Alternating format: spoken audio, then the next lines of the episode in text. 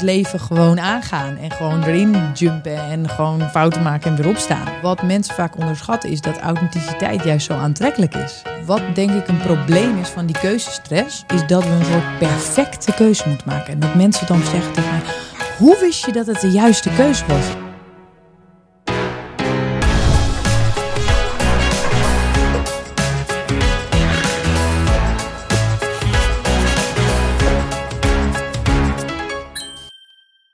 Right, Joni, van harte welkom bij Young Ones. Ja, leuk om hier te zijn. Ja, toch? Eindelijk. Eindelijk, Een ja. eh, opname waar ik lang naartoe heb geleefd, mag je wel weten. Ja, is dat zo? Hoezo? Ja, zeker. Nou, we, we hebben elkaar natuurlijk in 2021 leren kennen. Eh, Begin, ja. Begin 2021. Doordat jij me gewoon eigenlijk, ja, random kan ik wel zeggen, een berichtje stuurde. Omdat je naar mijn clubhuis had geluisterd. Ja, vanuit daar is wat mij betreft een heel mooi contact en ook wel een, een vriendschap ontstaan. Ja. Waarin we heel veel contact hebben gehad. En ook al vaker zeiden van nee, het zou toch tof zijn om ook een keer een podcast eh, op te nemen. ja. Eh, en waarom zou dat zo tof zijn? Daar heb ik eigenlijk twee redenen voor. Eh, want ook voor de mensen die nu luisteren en kijken is het wel fijn natuurlijk om te weten what's in it for me. Dat is allereerst omdat ik jou ontzettend sterk vind in hetgeen wat je doet. En dat je dat ook, ook heel goed kunt uitleggen ehm, om het voor andere mensen toepasbaar te maken. Van hey, hoe word ik nou bijvoorbeeld Ja. beter in het, het innemen van mijn ruimte, het leven naar mijn gevoel, het geven van een presentatie. Al dat soort dingen die dat eigenlijk bij elke young professional wel voorbij komen. ja. En anderzijds omdat jouw persoonlijke verhaal een heel hoopgevend verhaal is. Hmm. Dus dat is een verhaal van eh, niet de makkelijkste weg kiezen. Nee. Eh, soms keuzes maken die voor de buitenwereld misschien compleet onbegrijpelijk lijken, maar gevoelsmatig voor jou, zoals je me dat vaker hebt uitgelegd, heel logisch zijn bijna. Ja. Ehm, en daar gaan we het vandaag over hebben, zodat anderen daarvan mee mogen profiteren eigenlijk en daar voor hun wat zaadjes uit mogen halen die dat ze voor zichzelf wel kunnen gaan toepassen. En om een startpunt eh, te kiezen, want we komen later in dit verhaal bij de wat meer praktische zaken Ja. natuurlijk, die dat de luisteraar kan toepassen in zijn of haar eigen leven. Dus ook jou eens willen vragen, jij zegt vaak tegen mij van, hey Sander, eh, dat hoor je net ook in het intro van, ik coach inderdaad topondernemers, CEO's, allemaal mensen die tot de verbeelding spreken. Ik heb een heel erg mooi bedrijf opgebouwd en eh, daar kijken mensen ook altijd naar dat ze zeggen van, nou zo, het gaat die Joni wel allemaal voor de wind. Ja. En dan zeg je van ja, maar het is me niet altijd voor de wind gegaan. En Nee. ook ik heb een startpunt gehad waar het allemaal niet zo was zoals het nu is. Nee, nee, dat klopt zeker. Sterker nog, eh, ik krijg heel vaak de reactie dat mensen mij een soort zondagskind vinden. Ja, Eh, dus dat alles voor de wind gaat. En ik denk ook, ik heb een eh, vrolijk bekkie. Dus ik denk dat dat ook wel meespeelt. Ik lach veel, ik ben vaak heel positief. Ehm, en daardoor ja, eh, krijg ik ook wel eens de reactie van... ah, maar natu- natuurlijk doe jij dat zo... of natuurlijk gaat het jou zo af. Dus dat is wel eens lastig. En dat ga ik natuurlijk niet altijd tegenspreken. ja, Maar ehm, ja, maar ik denk net als ieder mens heb ik gewoon ook wel wat tegenslagen ook op, op, op werkgebied gehad. En dat je bepaalde keuzes moet maken die heel moeilijk waren. Maar ik heb ook niet echt een hele makkelijke start gehad in het leven, gewoon eh, vanuit mijn jeugd. Dus dat is, eh, ja, dat is ook wel iets wat altijd wel impact maakt op je leven. En waar je ook wel, waar ik in ieder geval wel zelf heel erg mee aan de slag ben geweest. Eh, nou ja, om dat, zoals je dat zo zegt, een plek te geven. ja. Ehm, Waar is die jeugd begonnen? Want ik weet, Ja. eh, wat ik zei, we hebben elkaar vorig jaar leren kennen. En ik ken jouw levensverhaal eigenlijk. En natuurlijk niet alle aspecten daarvan. Maar vanaf het moment eigenlijk dat jij filmmaker was Mm. eh, of bent geworden. Maar bijvoorbeeld eh, hoe je bent opgegroeid, waar je bent geboren, dat soort dingen. Daar, daar weet ik eigenlijk helemaal niets van. Nee, dat hebben we nog nooit over gehad. Ik ben eh, geboren en getogen ben ik in Zandvoort in een eh, gezin van vier. Een heel, een heel warm gezin aan het strand. veel buiten altijd. Mijn vader had zo'n rode Volkswagen bus en dan gooide die al die kinderen in. En ik kon me alleen nog maar herinneren dat ik altijd stond in die bus. Ja. Dus wij, in die tijd had je nog ook helemaal geen riemen. Van 1982 en we mochten gewoon staan. Ik weet niet of misschien was dat gewoon bij mijn vader zo. En het is een heel leuk, leuk, warm gezin. En eh, ja, dat draaide op een gegeven moment eh, echt enorm. En dat was eigenlijk voor mij was echt een soort punt in mijn, een kantelpunt in mijn leven is echt geweest dat mijn zus overleed. En Ja. ik was toen elf en zij was twaalf. Zo, ja. En eh, ja, dat, was, dat is wel echt een van de meest impactvolle momenten in mijn leven geweest. Natuurlijk super verdrietig. En ehm doodsoorzaak onbekend. Dus eh, ze is gaan slapen en ze is nooit meer wakker geworden. Zo, dat meen je. Dus er was de, tot op heden, jullie weten nog steeds niet hoe of wat. nee, Of, ja. nee, dat gebeurt soms. Dat noem je een soort, eh, ja, het is een soort wiegedood geweest, maar dan op twaalfjarige leeftijd. En het vervelende was dat mijn ouders op dat moment in scheiding lagen. Dus die hadden net aangekondigd, we gaan scheiden. En toen drie maanden later overleed zij. En dat is gewoon heel, eh, ja, dat was een hele heftige tijd waar je elkaar ook allemaal een beetje kwijtraakt. Ja. Dus ik had nog een klein zusje die het eigenlijk helemaal niet mee echt kreeg. Die was drie. En ik had een broertje die ook helemaal, ja, daar, daar voel ik dan, voelde ik dan de meeste connectie nog mee. En mijn ouders natuurlijk helemaal, ja, ik bedoel, ik heb zelf een dochter, maar ja, ik, als je daarbij over nadenkt, nu pas, dat ik een kind heb, dat je denkt, wauw, dat je dat, als je dat meemaakt, dat is, ja. ik denk het heftigste wat je ooit kan overkomen. En als ik het goed begrijp, lagen zij destijds al een scheiding. Dus eigenlijk Ja. wat je zegt van het, het verwerken van zo'n superheftige gebeurtenis, die, die afstand was er al. Misschien ook wel überhaupt in jullie gezin. Dus het is niet met elkaar verwerkt dan die gebeurtenis. Nee, nee, zeker niet. Want zij waren ja, dus al gelijk Ja. ook gescheiden en bleven ook gescheiden. Dus dat was heel erg, eh, heel erg moeilijk. Dus ik ben denk ik ook in een jaar toen, echt van mijn elfde tot mijn twaalfde, in één keer voelde ik ook, ik moet nu eh, een soort van ouderlijk zijn. En ik moet ook voor mijn broertje en zusje de oud. Ik was opeens de oudste. Dus Ja. ik ging van tweede naar de eerste.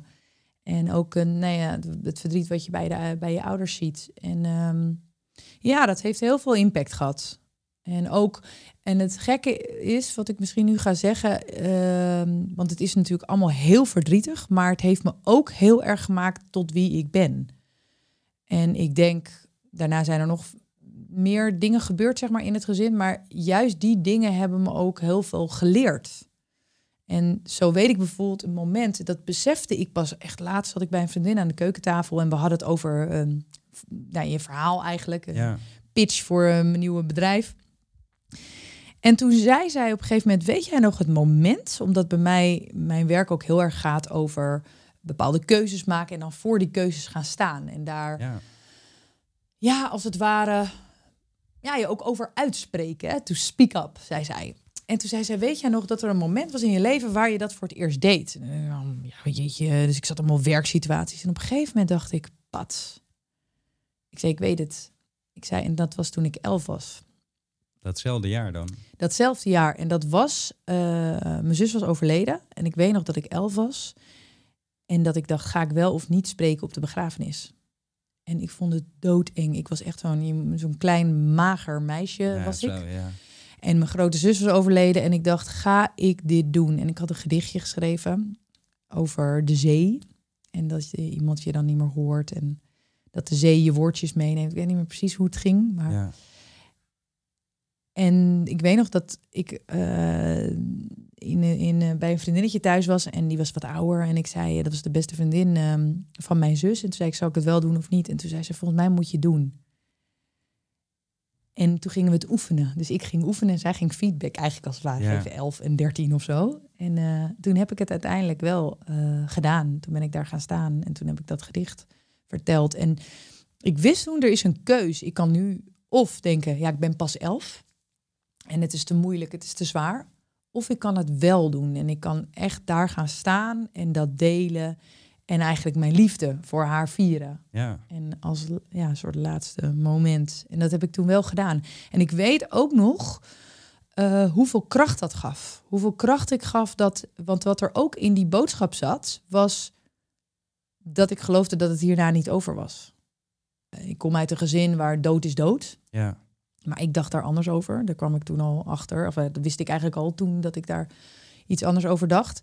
En ik dacht, ja, dat wil ik wel ja, zo vertellen. Van je bent dichtbij en eh, soms weer heel ver weg. En dat heb ik toen wel gedaan. Dus eigenlijk zeg je van ja, je gevoel gaf je überhaupt al in dat je dat wilde gaan Ja. vertellen. Want dat is natuurlijk iets wat intern, Ja, ja, een interne verlangen om dat te doen. Ja. Eh, je hoofd zijn misschien op sommige momenten wat anders. Want ja veel te eng. precies veel te eng. Ik Wat ben vinden elf. ze ervan, zo'n zo'n zo'n gedichtje? Ja. In je Ja. omgeving had je iemand die eh supportte. En uiteindelijk deed je. Dan gaf je hier ook nog je eigen draai aan. Eigenlijk door te zeggen van nee, maar dit is mijn blik op in dit geval het leven. En dus ook Ja. de dood. En wat er gebeurt voor of na die dood. Ja, en dat is natuurlijk achteraf is dat nu een beetje zo geredeneerd. Maar ik weet nog heel goed dat ik dat zo voelde. Dat ik echt dacht, ja, maar ik, ik sta hiervoor en ik ga dat wel vertellen. En eh, dus ik denk, als dat niet was gebeurd, was je natuurlijk nooit als elfjarige al met zo'n moment geconfronteerd, denk ik. Ja. Zo, zo scherp. ja, dat zeker. Want dat is, eh, het overvalt me in die zin omdat ik dit onderdeel van jouw verhaal dus nog niet ken. Nee. Ehm, anderzijds wat je zegt van nou, je bent nu uh, dusdanig veel jaren verder dat je er natuurlijk ook met een andere blik op terug kunt kijken.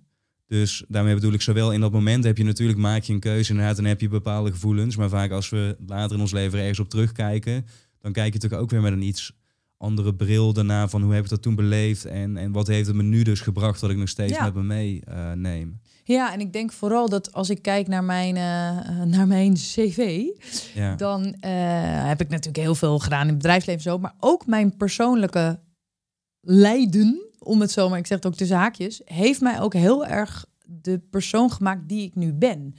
Dus het is ook welke blik je hebt op ellende. Ja. En um, ja, ik ben daar niet. Ik heb echt, echt heel veel meegemaakt. Echt op elk vlak. Ik zei, ik zei net tegen jou in het voorbespreken van dit is misschien te veel om. Als je het een film van zou maken, zou het te veel zijn. Want dan is het niet geloofwaardig uh, ja. meer. En ik loop daar ook helemaal niet mee te kopen. En dit is ook wat ik zei. De eerste keer dat ik hier wat over vertel in een podcast of interview. Omdat ik dat ook nooit zo nodig vind. Maar ik denk dat ik het wel de noodzaak vind om het te vertellen. Omdat uh, je daar ook een keuze in hebt hoe je daarmee omgaat. Dat ten eerste. Tweede, dat je dus niet verbitterd hoeft te raken. En derde, dat je er ook wat van, heel veel van kan leren. En ook, en ook aan de andere kant eh, zijn elke verdrietige situatie moet je ook gewoon wel doorheen en kan je niet overheen stappen. Ja, dat, dat sowieso. Ja. En dit zijn dan de extreme natuurlijk. Ja. Um, en, en teruggebracht naar wat meer praktische zaken. Dan kom je dus waar we zo meteen op ingaan, maar bij bijvoorbeeld een presentatie, iets wat eng is, daar kun je ook op twee manieren naar kijken natuurlijk en mee omgaan en, en mee dealen. Zo, zo, is dat met alles in het leven. Ja. Um, waar ik verder benieuwd naar ben, is uh, wat je zegt van op dat moment, uh, als je 11, 12 bent, dan vervolgens ga je natuurlijk naar de middelbare school. Ja. Uh, daarop volgend begint dan je professionele carrière. Ja. nu ben jij natuurlijk ontzettend goed in het jezelf verwoorden. je bent ook continu bezig. Daar spreken we ook vaker over. Over dat inchecken bij je gevoel. Van hé, maar wat geeft mijn gevoel me nu in op dit moment? Um, en tegen mij zeggen ook wel eens mensen van ja, maar jij praat altijd zo makkelijk. Ja, dat, dat is gewoon, weet je, jij kunt dat gewoon. En, en ik kan dat niet, dat is mij niet uh, gegeven. Ja. En wij hebben het daar vaker natuurlijk over gehad, dat we zeggen van hé, hey, maar het is juist heel mooi dat je het kunt leren. En je kunt er beter in worden, rustiger dus ook in worden. En ook steeds meer vanuit je gevoel uh, gaan handelen. Want dat zorgt ervoor dat je dat vanuit een bepaalde rust kunt doen, bepaald vertrouwen in plaats van vanuit die paniek. Hoe is dat bij jou uh, in je leven ontwikkeld? Nou, ik denk, ik kom uit een, ja, ik wil zeggen cabaretfamilie, dat is het niet. Maar in ieder geval altijd mooie verhalen en grote verhalen. En uh, mensen kunnen goed vertellen. Dus daar, dat is wel, wel mijn basis. Al moet ik wel zeggen dat ik het altijd heel spannend vond. Ik ben niet van huis uit een performer. Dus dat heb ik echt later pas geleerd. Je hebt echt van die mensen die gaan staan. En ik deed altijd wel dansjes in de huiskamer en toneelstukjes en zo. Maar ik weet nog wel dat ik als. Uh, ik vond het ook heel spannend. En ik heb ook wel. Ik weet nog wel een van mijn eerste ervaringen. dat ik echt voor een grote groep sprak. Dat ik 18 was en echt gewoon blackout van hier tot Tokio kreeg. En echt mijn vader in de zaal zag kijken van. Oh my god, weet je zo. Van wat. Weet je, plaatsvervangende. Ja, ja. Oh. En. Um, dus dat, nee, dat is bij mij echt niet uh, heel simpel gegaan. Dus ik weet nog wel dat ik mensen vertelde dat ik op een gegeven moment een, uh, trainingsinstituut begon toen ik 28 was. Uh, um, great communicators. En die zeiden ook van wat doe je jezelf aan met elke keer op zo'n podium staan? Want je vindt het helemaal niet altijd heel relaxed. Dus ik denk dat ik daar ook heel veel in zelf doorstaan heb om anderen dat te leren. En nu ja, gaat dat ook veel makkelijker. En, uh... Ja, want je hebt mij ook heel veel geleerd van, uh, dat, dat, vertel ik ook vaker, uh, ook al is het maar in een relatief korte tijd natuurlijk. En ik heb ook wel, wel mijn rugzak vanuit mijn juridische carrière, ja. dat heel veel heb geoefend met pleidooien geven ja. bijvoorbeeld. Ik heb natuurlijk veel op het podium gestaan in de muziekindustrie, maar dat was niet met mijn eigen stem, dat was ja, met een instrument. maar ik vond het zo mooi toen jij me dus contacte, anderhalf jaar geleden ongeveer toen heb je me in korte tijd zoveel bijgebracht. En dat was niet per se op een heel praktisch niveau van nou, ik zou je stem iets anders uh, gebruiken. Nee. Dat was meer op het niveau inderdaad van hé, hey, uh, leer het vanuit je gevoel te doen. Ga niet te veel over je grens heen. Dat overperformen, weet je wel. Wat veel mensen zullen kennen van hé, maar als ik ga presenteren, dan gaat er ineens. Ja. Ga je allerlei dingen anders doen dan die je normaal niet zou doen. Dus die niet helemaal jouzelf zijn. Ja. Uh, en op dat vlak, en ik weet dat je ook heel veel, dus al die professionals, weet je wel, heel erg in die kern helpt met hoe doe je het nou echt vanuit jezelf en vanuit je gevoel. Ja. En En dan gaan we erop verder op in. Maar ook als ik ondernemers help, bijvoorbeeld met social media, met zichtbaarder zijn, dan zeggen ze vaak van ja, maar ik wil wel mezelf blijven. Ja. En als ik zichtbaar ben, dan moet ik toch, weet je wel, daar horen voor veel mensen bepaalde maniertjes bij die ze dan niet authentiek uh, vinden. Dus ik ben heel erg benieuwd, um, nu met al jouw kennis en ervaring, van als je dan eerst gaat kijken om dat als vertrekpunt te nemen naar dat gevoel, die authenticiteit, om dat te kunnen volgen, waar, waar begint dat voor jou? Nou, je, ik, ik vind dat je het al mooi omschrijft, want uh, het gaat inderdaad van binnen naar buiten. Dus je kan denken, oké, ik zie iemand goed performen. Wat moet ik daarvoor trucjes leren? Hoe moet ik mijn handen? Hoe moet ik mijn stem? Maar dan kost dat uiteindelijk veel meer moeite, omdat je dat elke keer moet onthouden. Ja. Um, terwijl op het moment dat je veel meer naar de binnenkant gaat kijken, dus uh, hoe wil ik me voelen en uh, wat wil ik overbrengen en welke energie wil ik daarin overbrengen. Dat klinkt misschien wat zijig, maar ik denk uh, of ik denk, ik weet uh, dat het veel duurzamer is om daarmee met die binnenkant aan de, aan de gang te gaan. Dus op het moment dat je echt bent opgeleid van wie jij bent, tot wat je waarden zijn, tot je identiteit, tot je energie. Uh, en uiteindelijk maakt dat veel meer de impact. Ja. En hoe kom je daar dan achter? Want wat ik van veel jonge mensen hoor, of young professionals, ja. welke term je ook kiest, maar is dat ze zeggen: ja, maar ik weet niet ook precies wat mijn gevoel me ingeeft. Dus bijvoorbeeld, want we hebben het nu over performen. En ik wil het even voor de mensen die kijken en luisteren terugbrengen naar. Want je kunt dan meteen denken van ook oh, grote podia, nou daar sta ik niet, dus dit geldt niet voor mij. Nee. Maar met peak performance, om het daar even naar terug te brengen, bedoel ik gewoon inderdaad activiteiten die in elk van onze levens voortkomen. Dus of het nou nogmaals een, een belangrijke meeting is, een klantgesprek, uh, of een moeilijk gesprek überhaupt ja. uh, voor je werk of met je partner zelfs. Ja. Een gesprek waar als je die... Ja, waar een prestatie eigenlijk in Precies. zit. Dat is die, die Ja, daar gaat dit natuurlijk heel erg over. En ook keuzes maken vanuit je gevoel, dat levert ook vaak reacties op vanuit de buitenwereld. Ja. En ook daarin kun je natuurlijk weer een bepaalde houding jezelf aannemen. Stel, ik kom bij jou, ik ben een zo'n top CEO... En ik ben helemaal, weet je al, compleet zo hard aan het werk dat het gevoel is helemaal even naar de achtergrond ja. verdwenen. Dus dat gevoel dat zegt me helemaal niets ja. meer. Dus gewoon puur knallen en ratio wat uh, de klok slaat. Wat zou dan niet zijn om daar allereerst dichterbij te kunnen komen? Dat je erachter komt van, hé, hey, maar wat zegt die uh, interne bron dan tegen me, om ja. het zo te zeggen? Ja, goede vraag, want daar komen er natuurlijk wel een aantal van, uh, van binnen. Ja. Um, ik denk allereerst is eventjes even te stoppen en te reflecteren op, um, op waar je nu mee bezig bent. En ik denk dat je bij het gevoel ook komt om eerst te weten wat is je, wat is je verlangen daar ook in. Dus is er verlangen om überhaupt eerst naar je gevoel te komen, want anders ja, kom je daar ook helemaal niet. Ja. En dan merk je vaak dat er wel verlangen is van, oh, ik zou eigenlijk wat relaxer willen zijn, of ik zou eigenlijk veel meer in verbinding willen zijn met mezelf, met de ander is altijd zo gehaast. En op het moment dat er verlangen er is, dan zou je ook kunnen kijken, oké, wat is daarvoor nodig? Als er dat verlangen niet is, dan komt iemand eigenlijk ja, niet in beweging.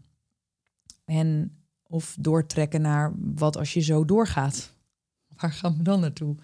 Nou ja, dan krijg je de antwoorden van de burn-out, de crash, uh, de relatie uh, die ontploft, het werk ja. wat niet goed gaat. Dus Want ik schrik er vaak van hoeveel mensen dat tegen mij zeggen, natuurlijk dan in, in privé situaties. Maar van ja, weet je, als Sander, eigenlijk, ik heb die baan nu wel gekozen. Vaak zijn het dan in mijn omgeving mensen in de advocatuur bijvoorbeeld.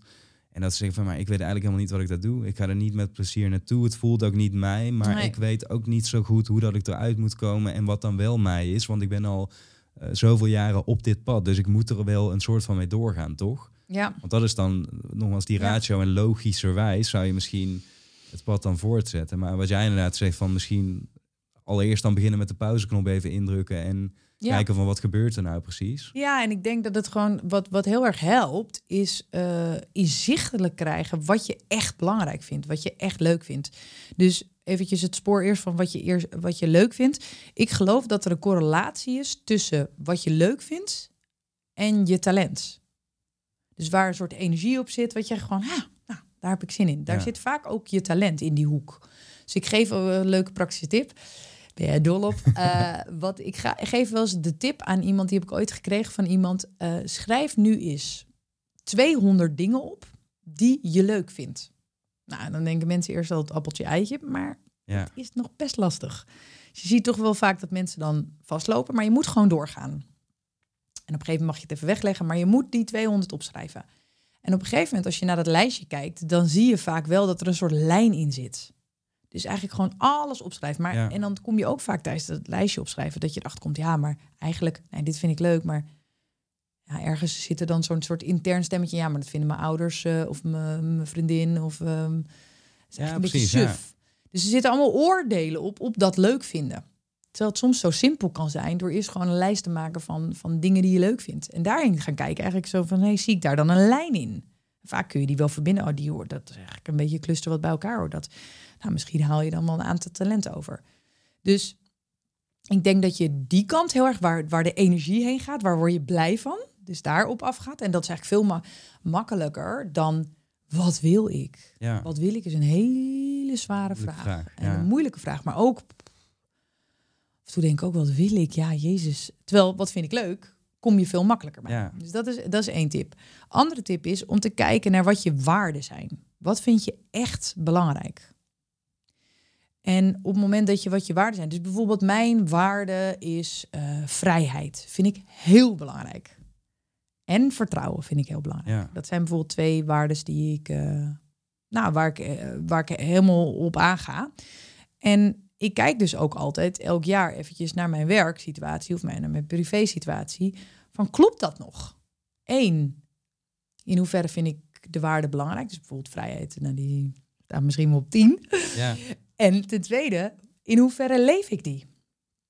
Dus ik vind ook dat ik daar congruent in moet zijn, omdat ik, ja, ik heb ook wel een soort verantwoordelijk voelen, eh, ver- verantwoordelijkheid voel ik. Dus als ik daarop los, eh, vastloop, ja, dan ben ik ook niet meer congruent naar mijn, eh, mijn klanten. Dus ik heb daar natuurlijk ja, precies. Ja. laatst best wel een grote besluit ingenomen, of twee jaar geleden eigenlijk. Dus daar, daar, daar voel je dan, hey, leef ik dit nog? En nu, als ik nu denk vrijheid, ja, dat is nu heel erg aanwezig in mijn leven. En definieer dan ook wat die waarde voor jou betekent? Want ik heb natuurlijk wel eens mensen die zeggen dan van met ondernemers bijvoorbeeld van ja, die hebben vrijheid altijd heel hoog in het vaandel staan. Ja, Maar vrijheid betekent dan niet dat je elke dag maar een beetje kunt gaan vlieren, fluiten, uitslapen, snap je? Dus Nee. dan is nee, de term vrijheid voor mij is dat bijvoorbeeld inderdaad, eh, ik zeg altijd van dat ik kan doen wat ik wil doen, met wie ik dat wil doen, op het tijdstip dat wij bepalen dat we dat willen doen. ja.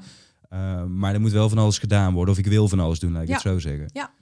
Dat Ja, dus zit hem dat is- daarin, dat ik die autonomie, dat ik het zelf kan bepalen. Maar Ja. het betekent niet dat ik inderdaad niets hoef te doen. Hoe, hoe doe jij dat dan? Geef je daar ook een soort eigen invulling aan? Wat ik mensen aanraad is om daar eens op onderzoek naar te gaan. Wat die, wat die waarden zijn. Daar zijn allemaal methodieken voor om dat te, Ja. te, te doen. Eh, daar ga ik nu niet op in. Maar wat wel daar heel erg in helpt, is daar ook over praten. Want jouw definitie van vrijheid is misschien anders dan die van mij. Want als je daar nu op doorvraagt, nee, is, ik werk best wel veel. Dat weet je. En jij Ja. ook. En dat vind, maar dat vind ik wel heel leuk. Maar op het moment dat iemand mij gaat vertellen wat ik moet doen en hoe ik mijn agenda moet gaan inrichten, ja, daar, dat gaat bijvoorbeeld over een grens voor Ja. mij. En eh, bijvoorbeeld eh, vertrouwen, dat is ook een hele belangrijke waarde. En die heb ik waarschijnlijk misschien ook weer anders dan jij. Dus het is ook belangrijk om, om daar eens een gesprek over te voeren. Met vrienden, met mensen om je heen, met collega's. Van wat is nou echt belangrijk? Ja, en wat vind jij belangrijk? Want Ja. uiteindelijk als je het naar die keuzes maken gaat trekken dan, eh, dat staat natuurlijk ook in de thematiek van deze aflevering, van nou, Ja. hoe maak ik nou keuzes Ja. vanuit mijn gevoel? Ja. En hoe uit ik dat gevoel ook? Want dat is natuurlijk wat jij net omschreef ook een beetje. En dat hoor ik dus ook veel terug van mensen. Is van zodra ik thuis de voordeur uitloop s ochtends. En laat staan dat ik het, eh, de voordeur van het kantoor waar ik werk binnenloop. Dan kan ik niet meer helemaal mezelf zijn. Dan Ja. gaat er een soort andere Ja, motor aan. Ja. En dan, ehm, want misschien ook wel door eigen verwachting. Ook toen ik in de advocatuur rondliep. Toen had ik ook het idee dat, dat ik me op een bepaalde manier moest gedragen. Ja. Ik eh, bedekte al mijn tatoeages. Ik sprak niet over bepaalde dingen. Omdat ik dacht van ja, dat wordt hier niet eh, eh, gewaardeerd. ja. Mijn muziekstijl bijvoorbeeld, je, ik hou van, van die hele harde muziek. Ja. klein detail, maar in ieder geval, of nou eigenlijk een heel groot detail dus. Ja. Want dat maakt uiteindelijk, ik, ik zeg het helemaal verkeerd, want dat maakt uiteindelijk het verschil dat je dus compleet van jezelf verwijderd raakt. En dus ook de verkeerde keuzes misschien wel gaat maken. Ja, nou kijk, ik geloof sowieso niet in verkeerde keuzes. Eh, omdat waar, wat denk ik een probleem is van die keuzestress op dit moment, is dat we een soort perfecte keuze moeten maken. En dat mensen dan zeggen tegen mij, maar hoe wist je dat het de juiste keuze was? En dan zeg ik, ja, maar dat wist ik niet. Ja, Ik heb ook geen idee als ik dan die keuze maak. Snap je? ja. Dus het is ook gewoon trial and error. Dus ik merk dat ik dan wel wat wat, ik ben dan 39, maar dan zeg maar mensen die dan, ja, jij bent tien jaar jonger dan ik, hè? Ja. Ja. Ontmoet en die zijn dan heel erg bezig met ehm, dat stukje van die perfecte keuze. En die is er dus niet. Dus dat al een beetje loslaten. Ja. En wat jij zei net in die werkomgeving, ik denk dat het juist wat mensen vaak onderschatten is dat authenticiteit juist zo aantrekkelijk is. Ja. Dus op het moment dat jij veel meer jezelf bent en dat ook uitdraagt, wel binnen een bepaalde mate. Hè? Dus in sommige setting, wat jij zegt, eh, als jij eh, een eh, slotpleidooi geeft met je blote armen en je tattoos ziet, ja, dat is misschien Ja, dat leidt te veel ja, ja. af. Maar juist jezelf zijn en juist kleur geven daaraan, dat maakt vaak juist dat iemand ehm, opvalt en dat iemand leuk wordt gevonden. En ook binnen het bedrijfsleven, juist binnen het bedrijfsleven. Dus het is ook vaak die verwachting van de persoon zelf. Ik moet me nu zo gaan gedragen. En ik denk dat er dus vaak veel meer marge zit dan je denkt. En als die marge er niet is, gewoon wegwezen. Meen ik serieus. Ja, zeker die keuze maken. Want wa- wat je zegt inderdaad, ik vind het heel mooi om het even terug te brengen naar bijvoorbeeld heel veel jonge mensen willen eh, eigen content maken. Of Ja. nou is op YouTube een eigen podcast, zo- zoals dat wij hier nu zitten te doen. Eh, op Instagram je passie uiten. Maar vinden dat inderdaad heel erg eng, want je gaat die innerlijke leefwereld meer naar buiten brengen. Daar Ja. kunnen mensen iets van Ja. vinden. Ja. En tegelijkertijd, wat jij net zegt, van ja, de angst om fouten te maken. Eh, mijn masterclass die ik veel geef, heet niet voor niets falen is de enige optie. Ja, Uh, omdat het inderdaad precies is wat jij net ook zegt. Van ja, er, er bestaat geen verkeerde keuze inderdaad. Want van elke keuze kom je weer iets dichter in de buurt van wat, wat is het nou wat me drijft en wat ik belangrijk vind. En ik wil hem inderdaad afronden, want dat is denk ik het belangrijke. Maar dat kun je alleen maar ervaren door het te doen. Is dat wanneer je inderdaad dat uit, dus naar buiten brengt, dan wordt dat vaak inderdaad heel erg beloond.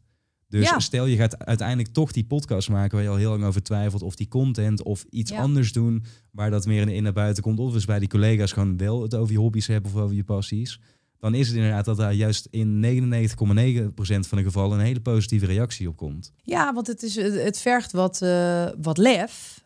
En, Ja. en kijk, bij mensen, kijk, ik weet dat van jou, maar er zit gewoon bij jou heel veel werk achter.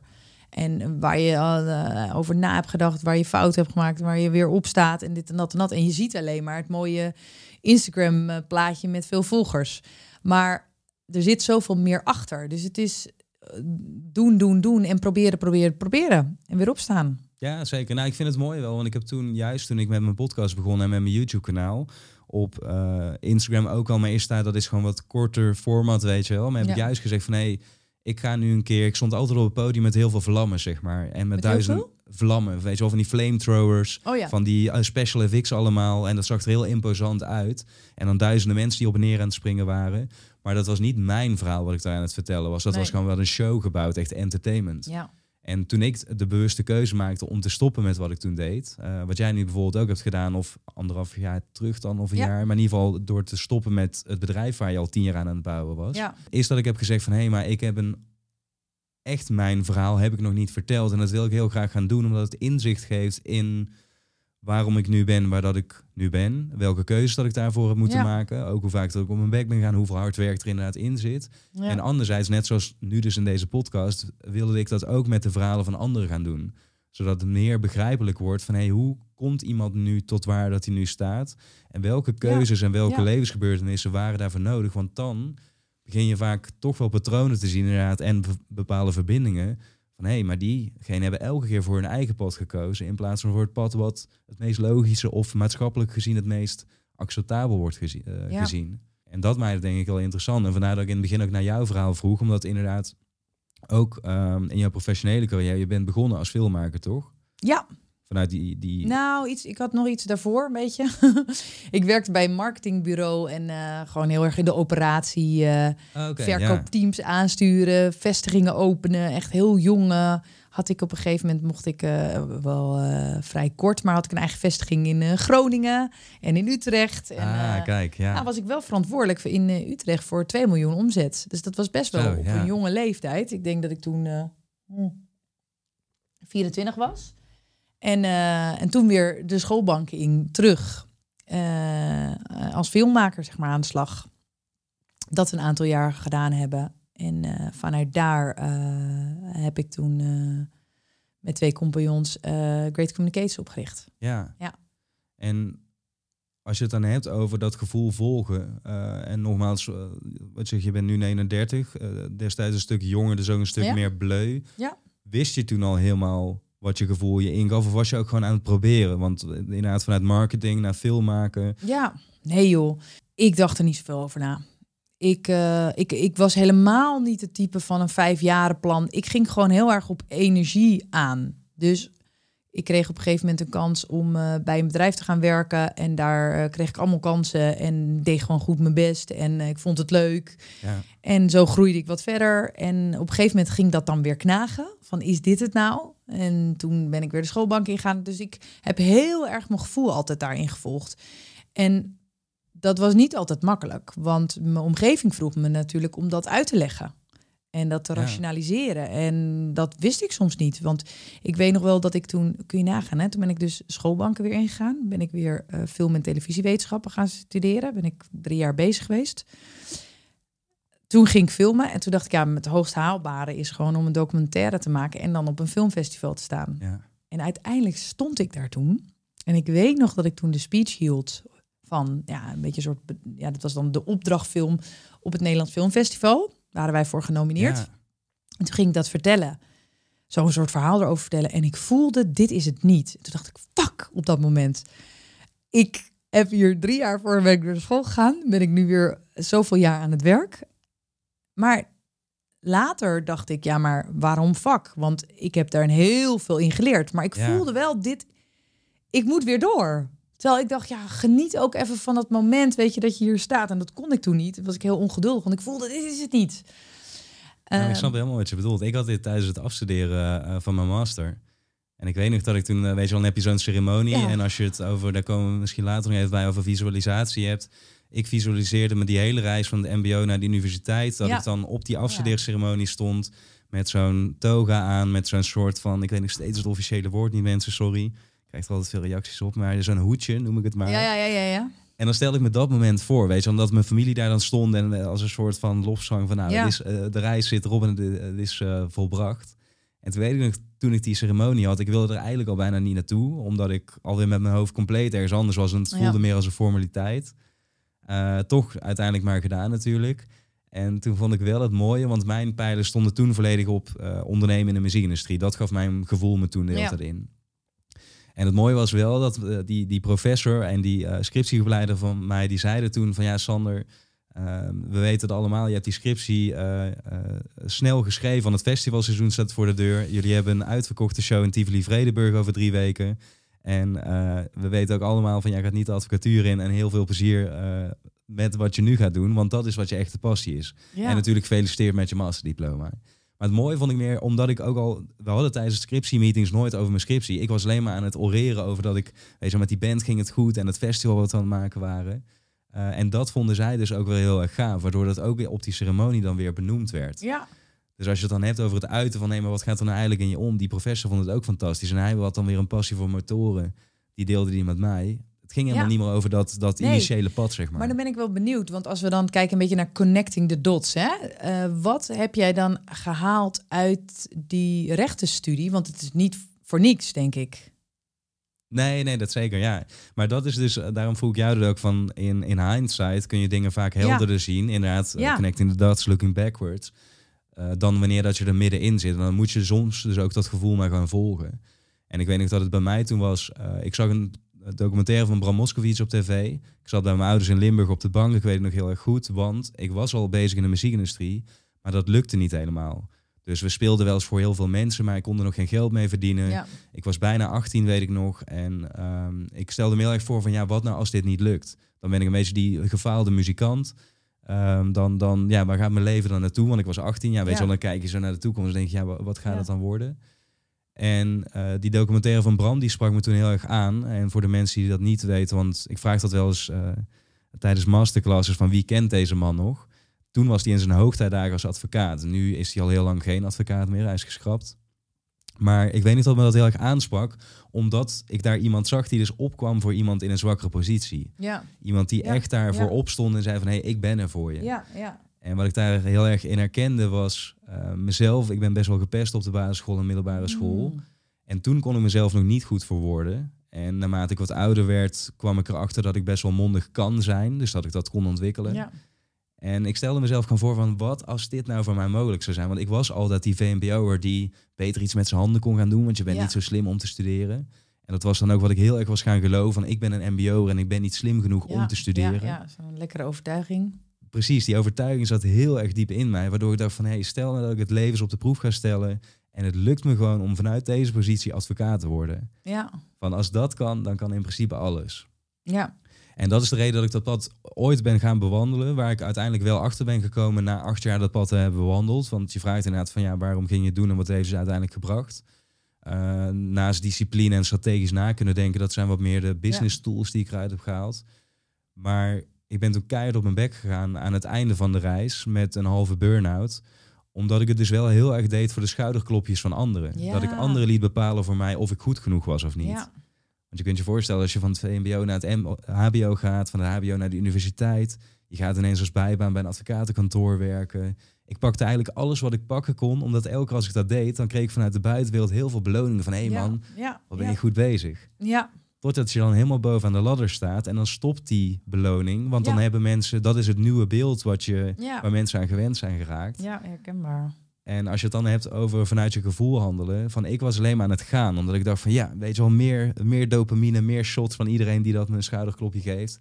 En letterlijk op het moment dat alles, eh, tweede jaar universiteit was dat al, toen had, deed ik al alles wat er te doen viel, toen viel ik er keihard vanaf. Mm. Want mijn gevoel zei iets heel anders. Ja, Dus dat is een heel. En, en het heeft me dus inderdaad, wat jij net wel terecht zei, want je corrigeerde me eh, eh, gelukkig. Maar het is geen verkeerde keuze geweest. nee. Want ik kijk er met heel veel plezier juist nu op terug. Ja, en dat maakt het, weet je waarom ik dat zei? Het maakt het ook, het relativeert ook een beetje. Kijk, heel veel mensen weten niet wat ze doen. En zeker niet in het begin van hun carrière. En dat is ook goed. Je gaat wat uitproberen, een beetje die luchtigheid erin. Dat is, g- geniet daar ook van. En ik, wat ik nu zie, is dat het allemaal zo perfect moet zijn. En dat geeft ook heel veel stress. Ja. Dus ja, daar ook een beetje in experimenteren. En ehm, nu denk je misschien, Joni, je hebt makkelijk praten. Maar ik heb dat ook zo gedaan. Ik heb gewoon de energie gevolgd. En dat betekent niet dat ik een beetje een soort van eh, aan het uh, vlierenfluiten was. Maar ik heb wel gewoon de goede energie gevolgd van... oh ja, hier dus wel en hier dus niet. ja. En daar krijg je natuurlijk ook vaak reactie op. Want bijvoorbeeld, eh, ook toen jij ging stoppen met je vorige onderneming, want je bent nu nog steeds onderneming, ondernemer natuurlijk, je hebt Ja. weer een eigen onderneming. Ja, Ehm, maar wat waren toen dan de reacties? Want ik denk financieel gezien al op allerlei vlakken was dat heel logisch om mee door te gaan natuurlijk. Ja, nou ja, kijk, je hebt natuurlijk een succesvolle organisatie. En, eh, of niet natuurlijk, maar wij hadden een Ja. succesvolle organisatie. Dus het was een heel gek moment eigenlijk waar ik op uitstapte. Vanuit de buitenwereld. Dus Ja. we gingen die COVID-crisis in. En toen heb ik gezegd, ik ga stoppen. En dat was voor mijn compagnon natuurlijk echt eh, best wel pittig. Die zag Ja. dat niet helemaal aankomen. En eh, voor mij was het ook pittig, maar het was zo sterk, mijn gevoel. En ik kan je ook zeggen, qua financiën is het natuurlijk ook niet heel handig om in een crisis uit te stappen. Dus het was Ja, dat heb ik natuurlijk ook gedaan, ja. ja, ook niet, eh, niet de meest handige beslissing. Maar al op het moment dat eh, ik... En ik heb het helemaal niet laten, de, ze ermee laten zitten hoor. Want ik heb gewoon nog een, een jaar doorgewerkt. Eh, totdat het ook weer wat duidelijker werd waar de, waar de, waar de economie ook heen ging. Ehm, maar ik wilde wel direct heel eerlijk zijn. Van ik denk dat we niet verder moeten gaan. En eh, ik denk dat ook zo'n compagnonschap ook een beetje een soort huwelijk is. Dus je zit heel Ja. dicht op elkaar. En ik heb er heel veel van geleerd.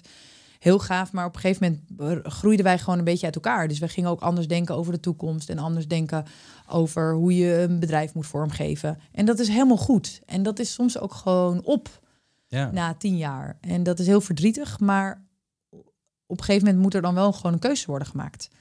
En ja, ik ben to- toen is de keuze gekomen dat ik dus eh, wegging. Dus ja, dat was een beetje van. Ja, weet je dat wij da- daarin heel erg op elkaar lijken, denk ik. En ook onze levenspaden. Want eigenlijk wat jij net ook al zegt van...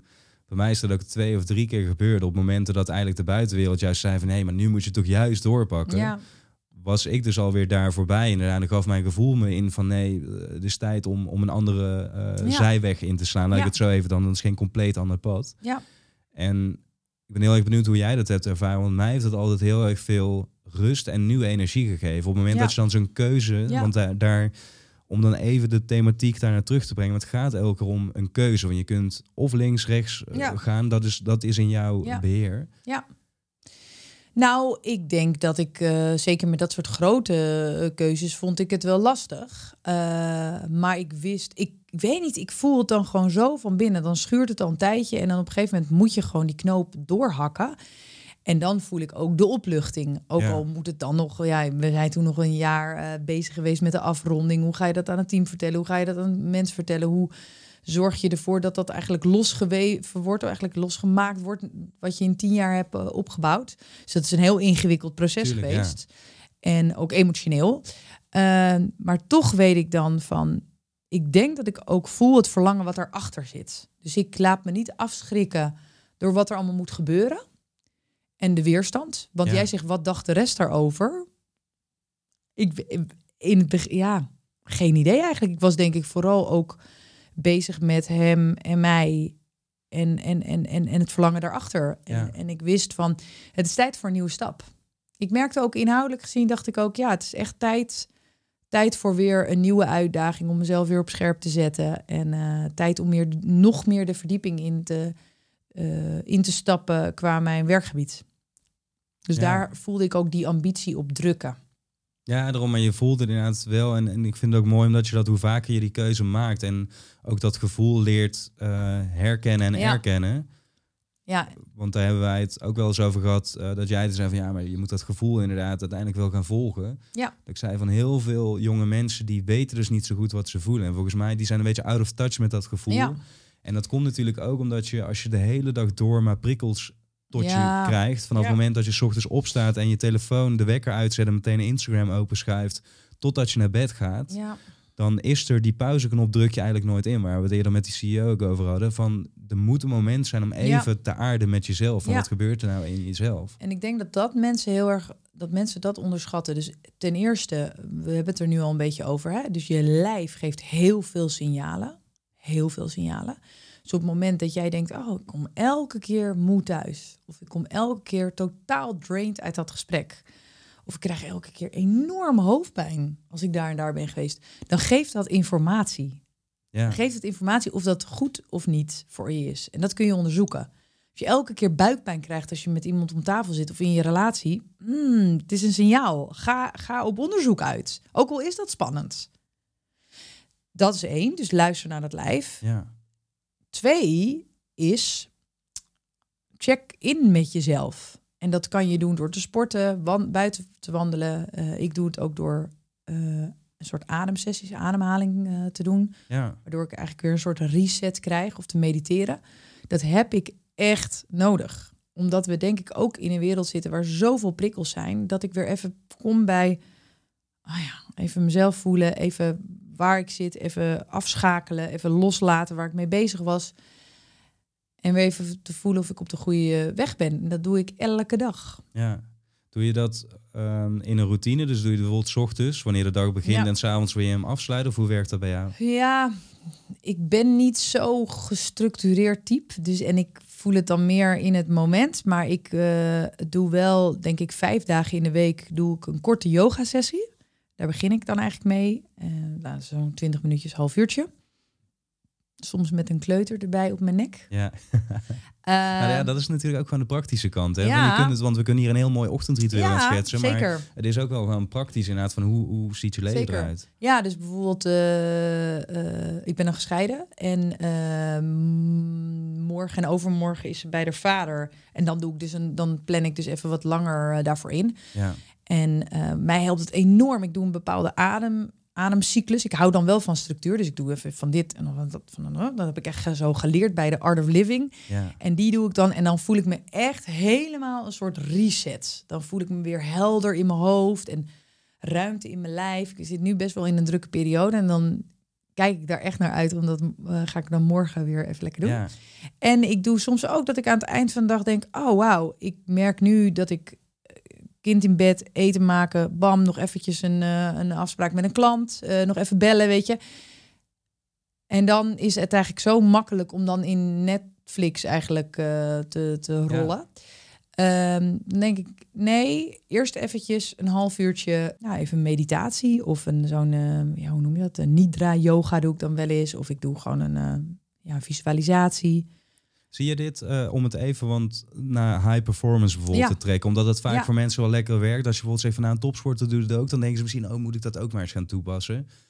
Maar visualisatie Ja. hetzelfde, snap je? Als je dat soms tegen mensen vertelt, zeg je, ja visualisatie, klinkt heel zweverig, maar dat is eigenlijk Nou, juist iets heel praktisch. Ja, nee, dat is goed dat je dit zegt. Want eh, ik ga er eigenlijk al van uit dat mensen dat zo zien. Maar kijk, we vinden het heel normaal om elke dag te douchen. Toch? De meeste mensen. Ja.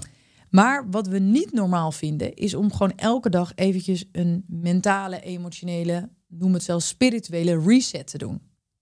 Dat, terwijl we hebben de hele dag al die prikkels. Dan is het toch heel normaal dat je eventjes die stilte ingaat en eventjes eigenlijk jezelf showert, doucht, mentaal, emotioneel. Ja. Ik, dat, op een gegeven moment had ik dat inzicht. Ik denk ook dat ik letterlijk dit iemand dit- dit zo tegen mij heeft gezegd. En toen dacht ik, ja, maar dat moet je gewoon. Nee, je moet niks. Ehm, maar dus toen zag ik zo opeens, voor mij was dat echt zo'n paradigma shift, dat ik dacht, uiteraard. Dus ik plan het echt letterlijk Ja. in. Als ik met mensen zit, dus dan zit ik echt op het niveau van eh, politiek, media, echt de, de, het hogere segment in Nederland, eh, bedrijfsleven, politiek, eh, nou, noem het. Dan gaat vaak dit gesprek hierover. Van wat doe jij om jezelf op te laden? Wat doe jij om jezelf af te schalen en weer op te schalen, zeg maar, om, om in de juiste performance te komen? En bij een sporter is dat echt super logisch. Die zegt, nou, zoveel procent van mijn tijd eh, gaat gewoon in de fysieke training zitten. En 20 procent eh, doe ik mentaal en emotioneel. Als je nu, nou ja, de Olympische Spelen, die zitten continu te visualiseren. Ja. Omdat dat gewoon de weg is. eh, omdat je het niet alleen redt met die fysieke voorbereiding. Juist dat ook dat mentale stuk. Nou ja, ga maar met een paar eh, sporters. eh, misschien ook leuk om een keer hier uit te Ja, nodigen. nou, dat gaat zelfs gebeuren oh ja, inderdaad. leuk. Maar dit is ook waarom ik, en, en je benoemde het fantastisch, eh, waarom ik het even uit wilde lichten. Omdat inderdaad hetzelfde als naar de sportschool gaan, is iets wat in de afgelopen, denk ik, tien jaar, is dat heel erg normaal geworden. Ineens ging iedereen naar de sportschool. Tien jaar geleden was dat nog niet zo. Toen gingen mensen wel naar de voetbalclub bijvoorbeeld, of Ja. de tennisclub. Ja. Maar die aandacht voor echt het fysiek en voeding en dergelijke Ja. was toen een heel stuk minder. En je weet dat met de Next Step is een van mijn, eh, of nou is mijn visie van eh, onderwijs zou je moeten opleiden om een goed fundament voor de rest van je leven te bieden. Zowel op persoonlijk vlak als op zakelijk vlak. En met de veranderingen die nu in de wereld gaande zijn, dus alles gaat steeds sneller, we krijgen steeds meer Ja. prikkels tot Ja. Doet het onderwijs dat niet meer op elk vlak. Dus bijvoorbeeld het leren wat de kracht van ademhaling is. Leren waarom dat het ook goed is om mentaal inderdaad, laten we het zo even noemen, tanden te poetsen elke dag. Even bij jezelf in te checken. Is omdat je bijna kunt zeggen dat iedereen tegenwoordig een topsporter is. Alleen al door de hoeveelheid Ja, informatie die er de hele dag tot je komt. Ja. En we leven eigenlijk nog vaak zoals tientallen jaren terug op dit vlak. Dus mensen vinden het vaak overdreven of waarom zou je het doen en wat heb ik daar nou aan?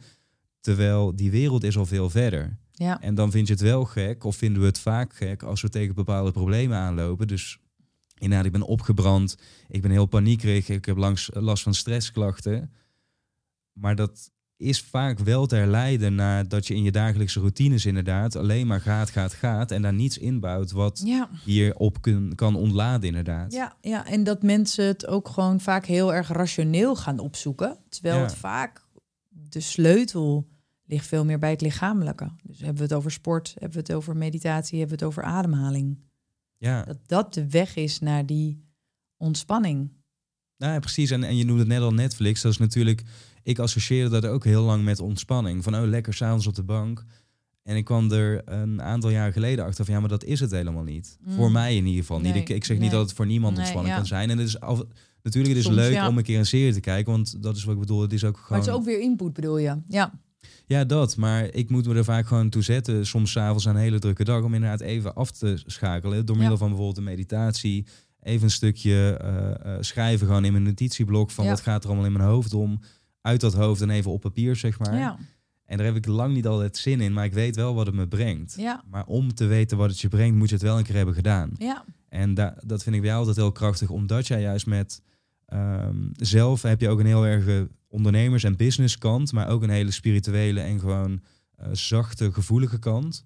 Eh, en die kunnen allebei heel erg goed met elkaar juist in balans leven. Ja, En dat maakt dat mensen vaak ook denken van... hé, maar als zij het doet... en ook al die topsporters Ja. en topondernemers Ja. die ze helpt... nou, dan moet Ja. ik er misschien toch ook maar eens naar gaan kijken. En dan kom je dus ineens eh, de brug naar dat wel te gaan doen. Ja, nou, en mensen vragen ook wel eens van, ja, hoe, wat is nou de sleutel van dat jij op dat niveau coachingen doet? Eh, Kan ik natuurlijk zeggen, ik heb onwijs veel gelezen en ik heb onwijs veel geleerd en eh, blablabla. Ja, Is ook zo, maar ik denk het allerbelangrijkste is dat ik elke keer emotioneel en mentaal die ruimte maak voor die ander. ja, Dat is echt de, de sleutel. Dat ik zelf gewoon heel helder blijf. En dat ik daar goed voor zorg. En daardoor ook goed voor de ander kan zorgen. En dat is totaal niet zweverig als je kijkt dan wat het mij voor resultaat oplevert. ja. Is een coaching voor jou ook een peak performance... in de voorbereiding en hoe je dat aanpakt? Zeker, ja. Zullen we daar de bruggen naar maken dan? Ja. En om het even Ja. nogmaals terug Ja. te brengen, als je nu luistert, die peak performance, stel je dat ook gewoon voor dat wanneer je niet op een podium staat, maar je hebt gewoon een, een presentatie die je geeft, je, hebt, eh, je wilt jezelf op social media gaan uiten, dus echt je ruimte Ja. pakken, je autoriteit claimen Ja. als ondernemer. Je hebt een moeilijk gesprek met één ander persoon. Het zijn allemaal van dit soort situaties waarop je wat we nu gaan vertellen en bespreken gewoon op kunt toepassen. Ja, En ehm, ik weet dat jij ook verschillende fases onderscheidt. eh, zowel op het gebied fysiek, emotioneel eh, of mentaal en Ja. eh, spiritueel in die voorbereiding. En Ja. je hebt natuurlijk de voorbereiding, je hebt het moment van presenteren of die peak performance zelf en wat er da- daarna gebeurt. Ja.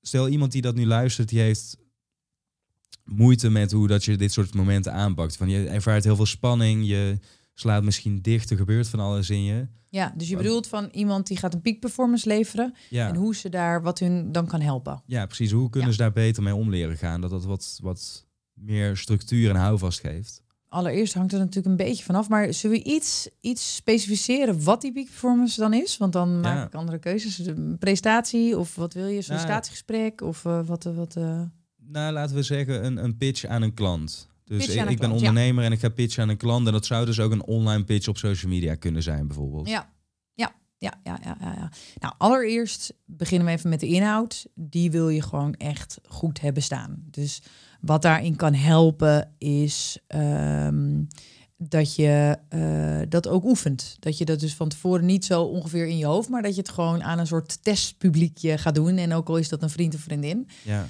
Uh, dus dat je in dat stuk je inhoud gewoon goed. We gaan nu niet in op de inhoud, maar dat dat gewoon goed staat. Um, en wat je dan nog verder kan doen qua peak performance is, laten we even mentaal beginnen, is dat je al een aantal weken van tevoren dat kan visualiseren. En visualiseren houdt in dat je een mentale voorstelling maakt in je hoofd. Dus we hebben het over die pitch. Dan ga je alvast de locatie voorstellen. Je gaat voorstellen dat je erheen gaat. Uh, en dat kan je van twee perspectieven zien. Dus je kan jezelf daarheen zien lopen en je kan jezelf dat gebouw zien ingaan. En een heel vrolijk, blij, energiek persoon en zeker van zijn Ja. zaak. Dat zie je voor je, maar je kan het ook vanuit jezelf voor je zien. Dat je daar naar binnen loopt, dat je een stevige handdruk geeft, mag tegenwoordig weer. En dat je gaat zitten aan die tafel en dat je voelt bij jezelf, I'm on fire, ik ga dit vertellen. Ja. Dus twee perspectieven. Dat kan je je helemaal voorstellen en, en, en, en visualiseren. En het, het grappige... Vaak doen mensen dat al onbewust Ja, ook, toch? Maar dan zeker. is het vaak de negatieve variant natuurlijk. Van wat nou als het misgaat? Ja, ja, ja, visualiseren doen we allemaal. Dus je ziet ook mensen die heel succesvol zijn in hun vak. eh, visualiseren, eh, bijvoorbeeld event managers, die visualiseren helemaal of ze het dan eh, goed in hun vingers hebben. Eh, dus we doen dat allemaal, alleen we doen het soms onhandig. Dus dan denken we, oh, dan ben ik bij die persoon en dan eh, val ik van het trapje. Of oh, ik zeg dan de meest belachelijke dingen. Ja. Dus het helpt om het positief te visualiseren. En dat eh, op het moment dat je dat dus een aantal keren visualiseert, dus bijvoorbeeld drie minuutjes de ene dag, volgende dag weer eventjes drie minuutjes, dan komt het eigenlijk een soort groef in je hersenen. Er is ook heel veel wetenschappelijk onderzoek naar gedaan. Echt superleuk, want ik ben er al 15 jaar mee bezig, maar echt de laatste 10 jaar is daar veel meer onderzoek op vrijgekomen. Ja. En dan zie je dus ook dat hoe dat werkt in het hersenen, dat het eigenlijk kort gezegd eigenlijk een soort nieuw soort baantje aanmaakt. En waardoor je dus de volgende keer dat je aan denkt, is het al veel aannemelijker dan de eerste keer. En dan denk je, ja, dan zit ik me nou voor te stellen. Ja, Het heeft echt neurologische effecten inderdaad, Ja. toch? En ik weet mezelf zo'n onderzoek te herinneren waarin er twee groepen, volgens mij waren het sporters, werden eh, gescheiden van elkaar. Waarbij dat de ene groep, volgens mij bijna niet fysiek Ja. had getraind, maar vooral had gevisualiseerd. Ken je dat onderzoek? Of? Ja, dat is een onderzoek. eh, ik denk dat je een onderzoek eh, doet, bedoelt op basketballers. Dus dat Ja, is dat was eentje hem, ja. visualiseren. En ander is ehm, eh, niks doen. En de volgende is gewoon trainen. Ja. En de visualiseren en de pers- personen die echt aan de slag zijn gegaan, kwamen ongeveer op hetzelfde uit. Eh, dus dat is best wel fascinerend. precies. Ja. Dus eh, ja, dus er zijn echt veel onderzoeken ook daarna gedaan. En ehm, dus dat kan je echt toepassen. Dus die mentale voorstelling ehm, maken daarin. Binnenkort ga ik er weer ook een aantal visualisaties delen. Dus, Ja. eh, dus dat is leuk om. Ja, en die van jou vind ik altijd heel erg goed, want het heeft ook wel ehm, te maken, want het zijn begeleide visualisaties Ja. inderdaad, zodat je er ook een beetje in het begin moet je er natuurlijk in komen van Ja. ja, maar wat moet ik mezelf dan voorstellen? En dan is het ook wel prettig als iemand dat op een bepaalde manier met een bepaalde stem doet, et cetera, die je daar fijn in meebrengt. Eh, dus inderdaad op jouw website, jonibuis.com is het toch? Ja. Ja, Ja. kun- kunnen mensen er al een aantal downloaden volgens mij en je gaat er dus nog meer maken. ja, En sterker nog, want ik heb ze eh, toen dat jij ze een maand geleden online zette gedownload. ja, Uh, en ik gebruik ze bijna dagelijks nu. Omdat Oh, ik ze gewoon ja, heel erg prettig Leuk. vind om, uh, uh, ja, om dus Ja. even naar die, naar die headspace te gaan, zeg maar, waarin ik dat kan doen. ja, ja, leuk om te horen. En ik gebruikte eerst een andere hele bekende app. Dus die heeft me, je hebt me wel overtuigd. Zeg maar. Of het, ja, het, het werkt gewoon heel erg fijn. Ja. Ja. Leuk, ja. En ik probeer dus ook wel, ehm, eh, wat wel prettig is, wat ik zie vaak met eh, dit soort mentale voorbereidingen, hè, want we hebben het nog steeds over een peak performance. Ehm, helpt het om gewoon kleine stapjes daarin te zetten. Dus niet te zeggen, ja, ik ga een hele dag eh, mediteren, visualiseren en dan, ja, dat hou je niet vol. Ja. Dus bijvoorbeeld daarom zijn die visualisaties bijvoorbeeld 7, 8 minuten en er zit nog nu een, eh, een langere tussen. Maar dan kan je dat gewoon zo even doen en dan weer gewoon. Dus het hoeft niet zo heel lang per dag te zijn. ja, precies. Ja. Dus dat is even die mentale eh, voorbereiding. Maar wat je ook kan helpen is eh, om letterlijk eh, ruimte te maken. Dus op het moment dat jij die spanning voelt oplopen elke keer, dat je denkt, oh, ik denk weer aan, sta er even bij stil en denk gewoon, het is oké om die spanning te voelen. ja, dus niet het wegdrukken inderdaad, maar het accepteren Precies. dat Dus het er je is. denkt, oké, die spanning is er en ik, ik, een deel van mij vindt dit gewoon spannend. Niet van het, het is spannend, maar ja, een deel Ja. van mij vindt dit spannend. En, maar, maar misschien kan je er iets tegenover zeggen, maar het is ook heel leuk en het is ook heel tof. Dus dat je het wat breder maakt voor jezelf. En wat dan vaak helpt, is even dat gevoel van, ah, oh, dit is spannend. Dat je even, hmm, even gewoon er naartoe ademt en dan geef je het even ruimte. Ja. Want dat wegduwen, denk maar aan een bal die je onder water duwt. En die hou je dan onder water en dan laat je hem los en dan, wat gebeurt er? Hij vliegt omhoog. ja, ja, ik knal bij je dus dan in. komt het, komt het heel hard terug. Dus juist om er een beetje ruimte aan te geven. En wat helpt is, dat is even een, echt een trucje. Als je die spanning dus voelt oplopen. Hè, dus jij je denkt bijvoorbeeld al over drie weken die pitch. En die is heel spannend. En er hangt heel veel vanaf. Ja. Dan kan het letterlijk zijn dat je gewoon, gewoon je lijf vastzet. Ken je dat? Ja, ja, schouders Dat je al helemaal aan gaat denken eh, en dat je ademhaling omhoog gaat zitten. En als je dat merkt bij een peak performance die je hebt over een tijdje, dus over een week of over een dag, dat je op dat moment gaat bewegen. Dus je gaat gewoon, je voelt die spanning en je denkt, oh ja, ik ga even met mijn schouders optrekken. Ik ga eh, mijn handen even bewegen. Ik ga Ja. me helemaal losschudden. Dan geef je eigenlijk een signaaltje aan dat brein. Weet je, we hoeven het niet vast te houden. We ontspannen gewoon eventjes. Ik zie dat ook in coaching heel vaak. Dan praat iemand over iemand die die niet leuk vindt. En dan zie je al die kanker. En dan zie je die handen. En dan... Of iemand praat over iets wat hij spannend vindt. En dan zie je al die schouders. En dan gebeurt er al van alles. Dus non-verbaal ook. Ja, en vaak heel onbewust toch? Want Ja. die persoon heeft het zelf niet hoor. die Ja. persoon is, er, is daar helemaal niet. Maar die praat erover. En dat is de chemie van het lijf. En als je dan denkt, ah, ik laat het weer even los. Dan leer je je lijf en je brein ook, het is oké. het is veilig. Of het is, eh, we hoeven niet boos te zijn. Het is gewoon. Ja. Dus dat is, eh, dat vind ik echt een, een, een trucje waar je, die je direct kan toepassen bij eigenlijk een beetje een soort van energie en spanning. Ja, precies. En, en het ziet er natuurlijk dan, eh, want eh, dat zeg je er dan ook vaak bij, het ziet er misschien een beetje raar uit en dan moet je inderdaad jezelf los gaan schudden. Maar eh, het is als je het gewoon op een plek doet, net zoals dat visualiseren. Ja, je moet het natuurlijk niet doen als de hele woonkamer vol zit. Dus je moet wel even een plek Ja. voor jezelf creëren. Ja. En die plek betekent vaak geen prikkels en gewoon even stilte, dat je dat dus ook daar de ruimte voor kunt gaan Ja. Ehm, wat je ook natuurlijk, wanneer dat je je gevoel meer de ruimte wilt geven en wilt weten van wat gebeurt er nou, nou, dan doe je dat natuurlijk ook. Ja. Van als ik belangrijke keuzes maak, doe ik dit ook vaak Ja. van tevoren. Dat ik even gewoon. Ja, kijk, ik denk op het moment dat je iets aan jezelf wil veranderen, dus je merkt dat je heel veel keuzestress hebt of je merkt dat je heel veel spanning hebt, dan kan je dit heel erg wegwijven van na zweverig of na. Maar dat is gewoon heel dom en beperkt. En dat zeg ik even heel hard. Dus op het moment dat je wat wil veranderen, moet je gewoon verder kijken naar de dingen die je misschien niet kent. En dat eerst, ik zeg altijd, joh, je mag alles afschieten. Alles. Maar Ja. ga het wel eerst proberen. Ga testen of het voor je werkt. Misschien werkt het niet. Nou, prima. Laat je het zitten. Ja, Maar als je gaat ehm complainen, wat is het woord? Ehm, ja klagen, Klagen? En, en het meteen als je gaat klagen geeft. en je, en je blijft maar in je modder zitten, Ja, ja, I rest my case. Dus daarin wil ik ook mensen wel een beetje een trap onder hun hol geven. Van op het moment dat je vastzit, ga iets doen. Ga het uitproberen. En ga niet gelijk in de weerstand en, en in het oordelen van ik zet het zo en zo weg. Maar ga gewoon wat proberen. ja ga op En, en, en het hoeft helemaal niet. Ik denk wat, wat ik ook wel, wat ik gewoon jammer vind, is dat mensen sommige dingen in een hokje stoppen van spiritualiteit. En daardoor helemaal niet meer naar kijken. En dat vind ik gewoon jammer, omdat heel veel dingen. Ja, wat, wat is spiritueel, weet je? Wat, Ja, het is ook maar zo'n soort begrip. Terwijl ik denk, het is juist sommige dingen van visualiseren. Dus één is het wetenschappelijk onderbouwd. Twee is het gewoon super praktisch. Dus mensen zetten het dan al weg voordat ze er iets mee gaan doen. En dat vind ik zo fijn in de doelgroep waar ik werk. Is best wel een rationeel publiek om die daar kennis mee te laten Ja. maken. En die denken, fuck man, dit geeft onwijs veel ruimte. Dus nu op de lieve manier. Ik hoop gewoon dat veel mensen eens een beetje meer open daarvoor gaan staan. Omdat als je weet wat het voor je kan doen. Ik zeg altijd, als je gaat visualiseren, Ja. houdt niemand je meer tegen. Weet je, ik bedoel, er zijn zoveel mogelijkheden daarin. Ja, ik ben daar gewoon heel bevlogen over. En ik vind het jammer als mensen dat met een oordeel al direct wegzetten.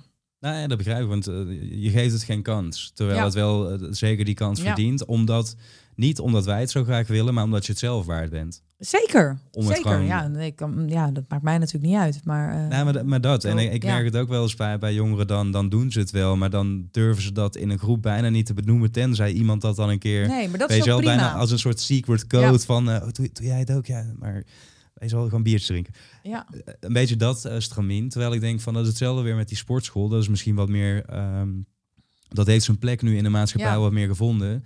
En vroeger werd er natuurlijk ook gezien van ja, er gaan alleen maar bodybuilders naartoe. Net zoals dat nu wordt eh, gezegd vaak met spiritualiteit, spiritualiteit van oh, dat zijn wat van die zwevers. ja. Terwijl het al lang eigenlijk niet meer zo is. Maar als je het Nee. zo blijft zien, ja en alles dan- er ook onder brengen. Hè? Dat, is, dat, is, Ja. dat is jammer. die, die voorbereiding hebben we dan gehad. Ja. Inhoud, dat zei je al. En, en hoe dat je de inhoud voorbereidt, nou ten eerste door te oefenen inderdaad.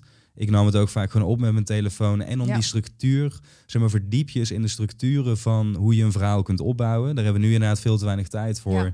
Kan je jouw eh, opleiding volgen? Of, eh, Nou ja, binnen de next step, als, als Ja. ondernemer zijn bijvoorbeeld, leer je dat daar inderdaad onder andere van jou. Omdat eh, je pitch en je merkverhaal en hoe dat je je verhaal overbrengt, gewoon ontzettend belangrijk Ja. is. Zeker in de eerste beginjaren, wanneer nog niemand je kent en je het echt puur op basis daarvan Ja. moet doen, ja, dan is dat alles wat je eigenlijk in handen hebt. Ehm, vervolgens de mentale voorbereiding. Dus eh, je al van nou, je, je kunt gaan visualiseren, eh, zowel vanuit je eigen perspectief, maar ook vanuit het perspectief van degene bijvoorbeeld die na- daar- naar jou kijken. kijkt. Ja. Van hoe wil je dat diegene zich voelt terwijl jij eh, je verhaal aan het, aan het geven bent.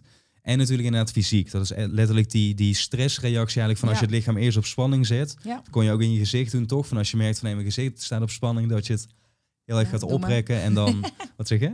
Nee, ja, het ziet er leuk uit. Ja, nee, maar dat, ik, ik doe het nu heel erg vaak. Nee, want ik, ik, geef, ik geef steeds meer masterclasses. En dan, eh, nogmaals, het leven speelt zich ook gewoon af. Dus ik heb ook wel eens gewoon een hele drukke dag gehad voordat ik zoiets moet gaan doen. En dan wil ik daar wel kunnen staan, maar de omstandigheden zijn niet optimaal. En dan, Nee. waar val ik dan op terug? Op waar ik inmiddels van heb geleerd van Ja. hey, dit kan me iets bieden. Nee, maar het is, het is helemaal zo. Want mensen doen het vaak niet. Omdat ze dan denk ik, ja, sta ik een beetje met mijn gezicht eh, gekke bekken te trekken. Maar er gaat heel veel spanning, slaat zich op in het gezicht. En daar kijken mensen natuurlijk ook eh, Ja. naar. En mensen nemen die emotie over. Dus op het moment dat jij veel spanning in je gezicht hebt, in je kaak, in je ogen, daar gaat het vaak zitten. hè? Ja. En jij gaat zo eh, een gekke bekken trekken. ja. Voor de mensen die nu luisteren, ik zou ook even op YouTube kijken. Maar ja, precies. Ik doe het heel goed voor. Ehm, dan eh, laat je die spanning los en dan krijg je weer een veel ontspanner gezicht waar de ander ook weer op reageert. Ja, zeker. En dan het moment in de aanloop naar die presentatie, toen het moment zelf, heb je daar nog wat praktische tips voor? Dus bijvoorbeeld, dat kan enerzijds dat klantgesprek zijn. Eh, de wereld is inderdaad wat meer open, dus er zullen Ja. weer wat meer Ja. fysieke gesprekken zijn. Maar anderzijds kan het natuurlijk ook zijn van, hé, hey, eh, ik heb zo meteen een digitaal gesprek, dus de camera gaat aan. Of ik ga mezelf opnemen Ja. om een eerste YouTube-video zo op te nemen. Dan gebeurt er van alles natuurlijk in dat lichaam en in dat hoofd. Ja, nou wat misschien een leuke, wat meer inhoudelijkere tip is die je kan doen, is dat je het eind voor ogen houdt. Dus hoe wil jij uit die meeting stappen? Wat wil jij? En dan gericht op de anderen. Dus wat wil je dat ze denken? Wat wil je dat ze voelen? Wat wil je dat ze gaan doen? Ja, Dat zou je bijvoorbeeld kunnen uitschrijven voor jezelf. En dan aan de hand daarvan de inhoud opbouwen. Dus als ik wil dat het dat effect heeft, misschien moet ik dan wel dit voorbeeld kiezen of niet dit voorbeeld Ja. kiezen om te zeggen. Dus dat is, dat is eh, misschien een goede. Want heel veel mensen focussen continu überhaupt op zichzelf, toch? Dat, dat is ook wat ik heel ver- vaak merk, ook bij die, het opbouwen van die pitch. ehm, van het gaat allemaal, schrijf je het vanuit de ik-vorm, wat is voor mij belangrijk. En zo breng je het vaak ook, van je focus je compleet op jezelf. En daardoor Ja. ontstaat die spanning dan ook. Ja, Terwijl wanneer je het veel meer gaat focussen op de, het publiek waar dat je het voor gaat, ehm, voor gaat houden. Dus zowel qua inhoud, maar ook in de vorm en in die voorbereiding.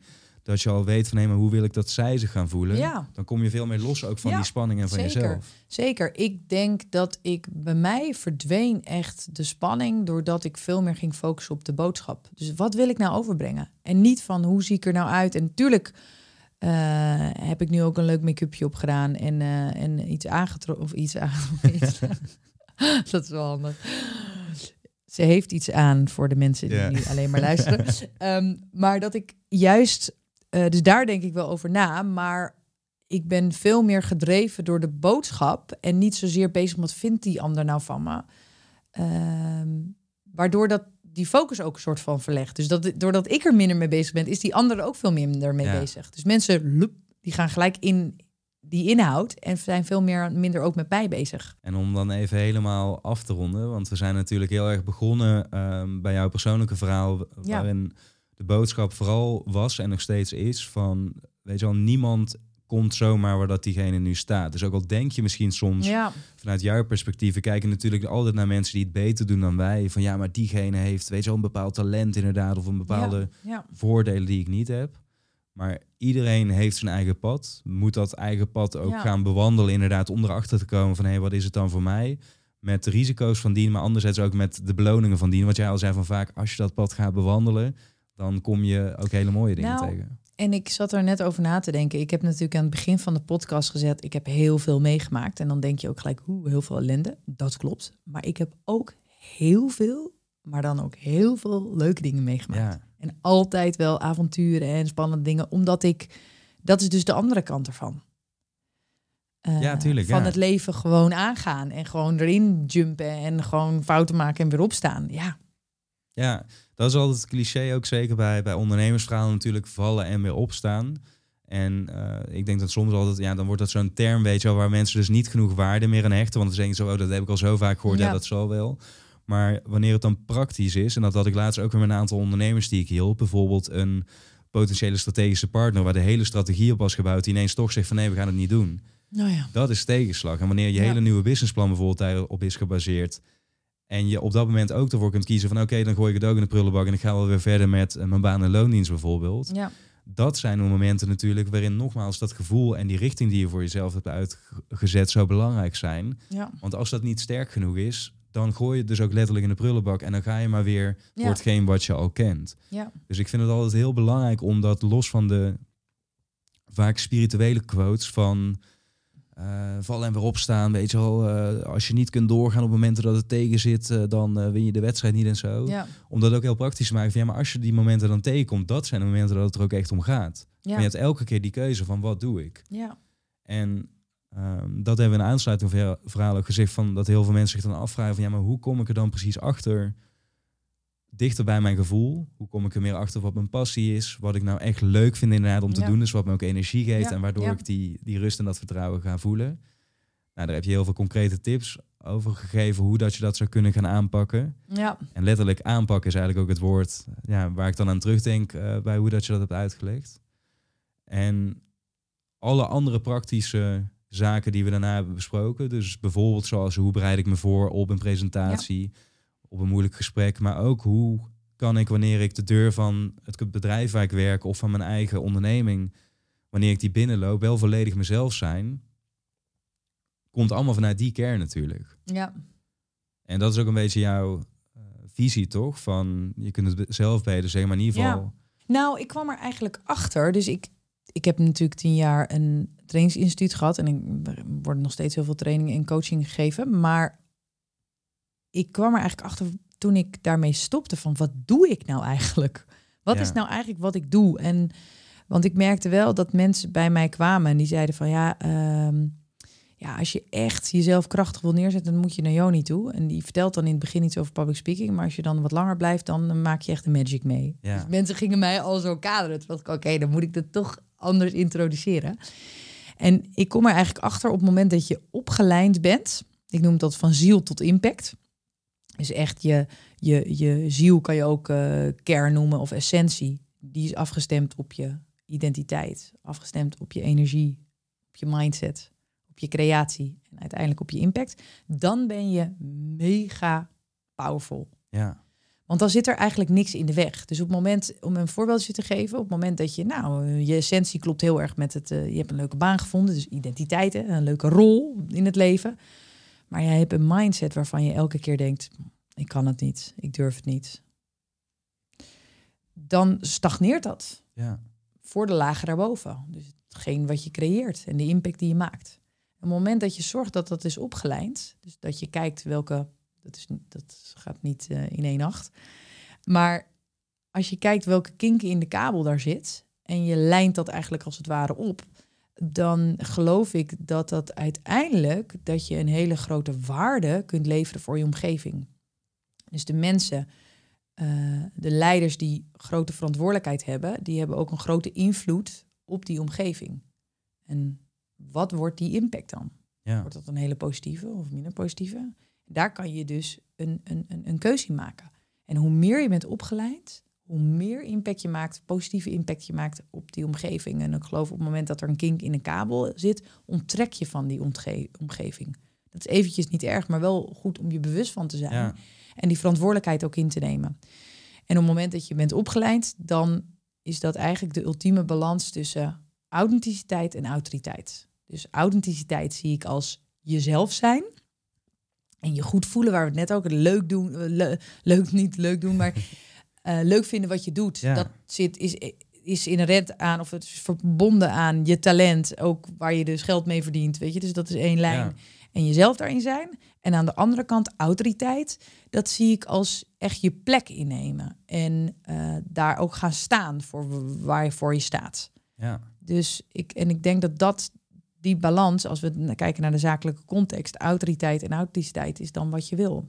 En zowel inderdaad in je persoonlijke als zakelijke leven. Want ik vind dat juist zo belangrijk van dat staan waarvoor je staat. Ja.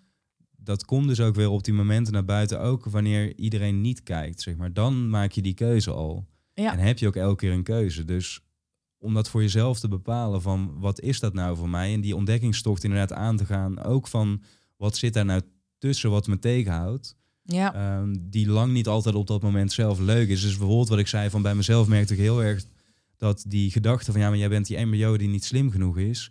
Die zat de hele tijd overal aan in de weg. Ja. Ehm, en het was best wel een pijnlijke weg om ook erachter mm. te komen van waar komt die dan vandaan, die overtuiging. En ja.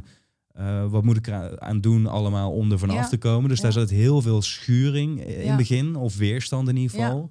Maar wanneer die weerstand dan doorbreekt en het wel aangaat, dan kom je er dus op het duur achter dat het heel vrij wordt. Wat je zegt, je maakt letterlijk de weg vrij. Ja. En wanneer je dat dan hebt, dan wordt dat maken van of nemen van beslissingen bijvoorbeeld en keuzes ook weer een heel stuk makkelijker. Ja. Uh, dus het, het, het is heel ja, dus erg dat waardevol. is die ruis eigenlijk die er tussen zit. Ja. Precies, ja. Nou, en kijk, ik denk dat er ook uh, daarom kan ik ook iedereen aanbevelen om eens een keertje een familieopstelling te doen. Ja. Dus dat is ook, dan kijk je eigenlijk welke verstrikkingen er in jouw systeem zitten. En dat zijn sommige dingen waar je ook gewoon totaal geen invloed op hebt. En dat, maar dat kan wel heel erg invloed hebben op jouw systeem. Uh, dus bijvoorbeeld een, um, een verstrikking bij je vader of bij je moeder die weer op jou wordt geprojecteerd. Nou, dat is een heel uh, ander gesprek wat we dan gaan hebben. Maar dat je ook gaat kijken van als je elke keer een soort tegen hardnekkige patronen aanloopt en er niet uitkomt, ja, kan naast therapie, coaching ook zo'n opstelling een keer helpen.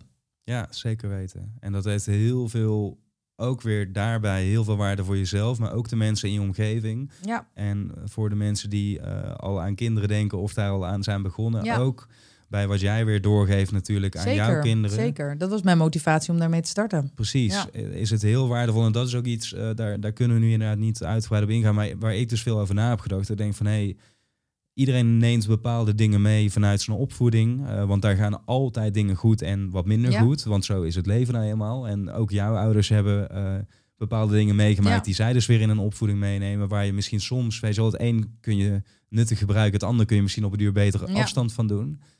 Uh, en die familieopstelling, ik heb het nog nooit gedaan, maar het staat zeker op mijn planning om te gaan doen. Met welkom. Uh, nou ja, zeker omdat ik de waarde er heel erg van inzie. Omdat als je er bewust van wordt en dat dus dat je er met open ogen naar durft te kijken van hé, hey, wat zijn mijn sterke kanten? Die benoemen we natuurlijk vaak graag van onszelf, ook op social media. Maar het is vaak veel sterker ook om te kijken van hé, hey, maar wat gaat er uh, ja. minder lekker. En dat ook in je omgeving is te vragen, want vaak zie je het ook zelf niet. Nee, ik geloof dat het dat, dat persoonlijk uh, leiderschap, of eigenlijk het opruimen van jezelf, dat biedt zoveel helderheid, zoveel inzichten. Gewoon met jezelf aan de slag gaan. En of dat nou een, een boek lezen wat je aan het denken zet, of een goed gesprek, of lekker, weet je, dus daar Deze zijn natuurlijk, podcast, ja deze podcast. er kunnen natuurlijk zoveel manieren zijn die jou aanspreken. Dus laat je vooral ook leiden van wat je gevoel je ingeeft. Hoe je daarmee aan de slag wil gaan. Ik vind het een mooie afsluiting, Joni. Ik vind het uh, super dat deze podcast eindelijk heeft plaatsgevonden. Ja. Omdat ik dus weet, want dat visualiseer ik mezelf dan al, dat hoeveel mensen hieraan gaan hebben. En, en dat het verhaal ook echt binnenkomt. En dat weet ik al nogmaals, net als toen op Clubhuis, daar hebben uh, letterlijk duizenden mensen naar geluisterd. En ja. mijn DM's en die van jou volgens mij ook, die stroomden toen over. Ja. Uh, en dat is niet alleen om jou nu op een voetstuk te plaatsen, nee. maar ook meer omdat zij het waren gaan toepassen toen, naar aanleiding van die sessie. Ja. En het dus ook echt effect had en heeft. Ja. En ik ja, tof. Het... Nou, en dat is ook mijn, dat als je vraagt wat is mijn missie, dan is het eigenlijk die kennis, eigenlijk bak ellende meegemaakt, daar heel erg mee met mezelf aan de slag gegaan. En uiteindelijk ook daarin te kijken, oké, okay, wat kunnen we nou praktisch toepassen? En eigenlijk hoeft het helemaal niet zo heel ingewikkeld te zijn om gewoon een leuker en fijner leven te hebben, waar je mee impact uh, maakt en ook uh, waarde toevoegt aan je omgeving. Ja. Nou, dat is bij deze weer een stap dichter in de buurt van die missie. ja. Dus uh, ik wil je bedanken. Thanks. Het was echt heel waardevol. Fijn. Ik vond het heel leuk. Ho, twee seconden voordat je weer doorgaat met je dag. Wil je nou niets missen en ervoor zorgen dat jouw favoriete ondernemers te gast gaan zijn? Abonneer dan even op deze podcast en laat mij op socials weten wie dat je graag zou willen horen. Dit kun je doen door een reactie te plaatsen op YouTube of Instagram. En als je vragen hebt, dan mag je me natuurlijk altijd een DM sturen. Thanks voor het luisteren en tot de volgende keer.